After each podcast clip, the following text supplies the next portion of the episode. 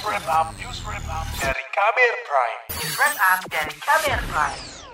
Sejak pecah perang antara Rusia dan Ukraina, PT Pertamina terus memantau pergerakan harga minyak mentah dunia, terutama karena Rusia adalah negara produsen minyak terbesar kedua setelah Arab Saudi.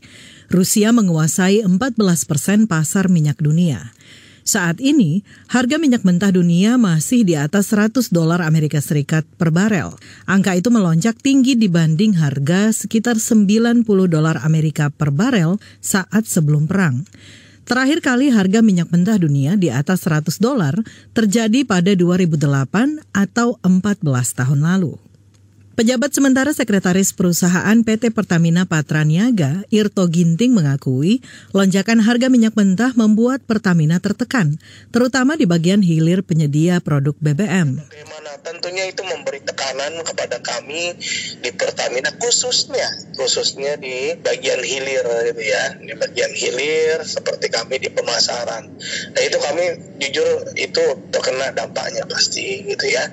Tapi kami mencoba untuk menjaga tetap stok pasokan eh, BBM maupun LPG agar eh, supply ini bisa berjalan normal sampai ke masyarakat sampai ke pelosok negeri. Pertamina pun harus menghitung kembali dampak lonjakan harga minyak mentah dunia pada keuangan perusahaan. Meski begitu, Irto Ginting mengatakan Pertamina akan tetap berupaya keras menjamin pasokan dan suplai BBM ke masyarakat. Tidak hanya di bisnis hilir Pertamina, lonjakan harga minyak mentah juga memberi tekanan terhadap pemerintah sebagai pemberi subsidi BBM dan energi. BBM kita dalam hal ini terjadi kenaikan tahun 2022 sekarang 1.397 eh, ribu kiloliter atau 1,3 juta. Padahal tahun lalu eh, sampai dengan Januari hanya 1,1 juta kiloliter. Jadi ada kenaikan yang cukup signifikan. Ini karena mobilitas masyarakat mulai naik. Tapi nanti konsekuensinya adalah pada subsidi BBM. Karena harga BBM belum dinaikkan. Pertalite dalam hal ini premium atau diesel. Dan ini tentu memberikan beban nanti pada APBN. Pada pekan ini, Direktur Utama PT Pertamina Nike Widiawati mengatakan harga BBM non-subsidi jenis Pertamax harus dinaikkan dari harga sekarang untuk menjamin keuangan perusahaan. Di sisi lain, Pertamina masih punya piutang kompensasi yang belum dibayar pemerintah sekitar 109 triliun rupiah.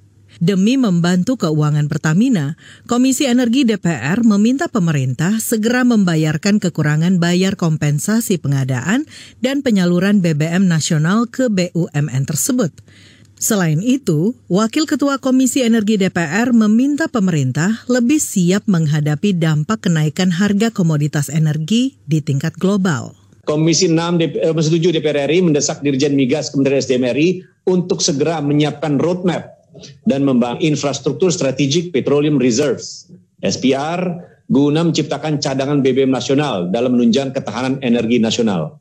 Ya, membangun jadi kita harus memiliki uh, infrastruktur itu, Pak. Komisi 7 DPR RI mendesak Kementerian SDM RI, Kepala BPH Migas, dan Direktur Utama PT Pertamina Persero menyiapkan analisa sensitivitas kenaikan harga BBM terhadap beban subsidi guna menyiapkan strategi-strategi dalam mengantisipasi. Sementara itu, Direktur Lembaga Kajian Ekonomi Indef, Tauhid Ahmad menyarankan pemerintah dan Pertamina segera mengambil langkah antisipatif untuk menghadapi resiko kenaikan harga energi, khususnya BBM, imbas dari krisis Rusia-Ukraina.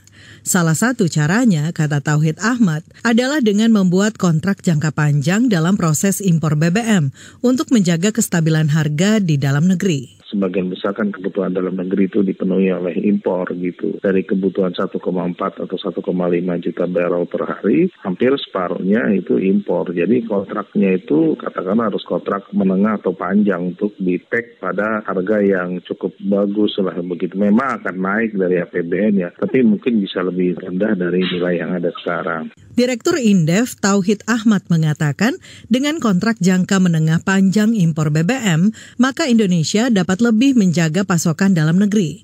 Kontrak seperti ini memungkinkan Indonesia mengimpor BBM dengan jumlah besar dengan harga yang lebih stabil atau tidak ikut terpengaruh gejolak pasar global. Laporan ini disusun Agus Lukman. Saya Aika Renata. Kamu baru saja mendengarkan news wrap up dari Kabel Prime. Dengarkan terus kbrprime.id, podcast for curious mind.